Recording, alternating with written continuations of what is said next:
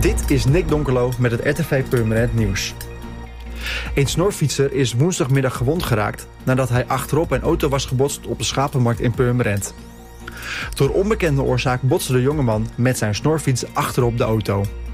Hij is met onbekende verwondingen overgebracht naar het ziekenhuis. Het college van burgemeester en wethouders van de Beemster heeft de knoop doorgehakt over het lokale tekort en heeft besloten een tijdelijk gebouw voor de basisscholen en de kinderopvang te realiseren. Deze wordt neergezet op het plein van de huidige school aan het middenpad in de Zuidoost-Beemster. De twee locaties in de nieuwe tuinerij Oost zijn niet veilig te maken door het bouwverkeer dat daar de komende jaren rijdt. Dat blijkt uit verkeersonderzoek dat het college heeft laten uitvoeren in opdracht van de Raad. Het tijdelijke gebouw wordt gebouwd voor ongeveer 8 jaar.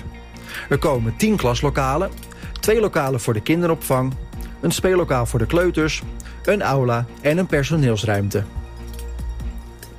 Het scheiden van afval blijft in Purmerend onder de maat. Dat blijkt uit de afvalmonitor die de gemeente elk jaar uitbrengt. Purmerend probeert al jaar het afvalscheidingspercentage omhoog te krijgen naar 75%, maar blijft steken op 57%.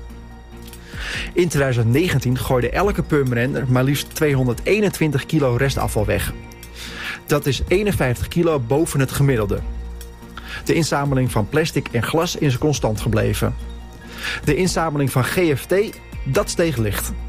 Vorig jaar is begonnen met een pilot van het GFT afvalscheiding in de hoogbouw van de Oostervenne en de Westervenne. Een derde van de bewoners doen mee aan deze pilot. Deze zomer moet de eerste conclusie van de pilot duidelijk worden.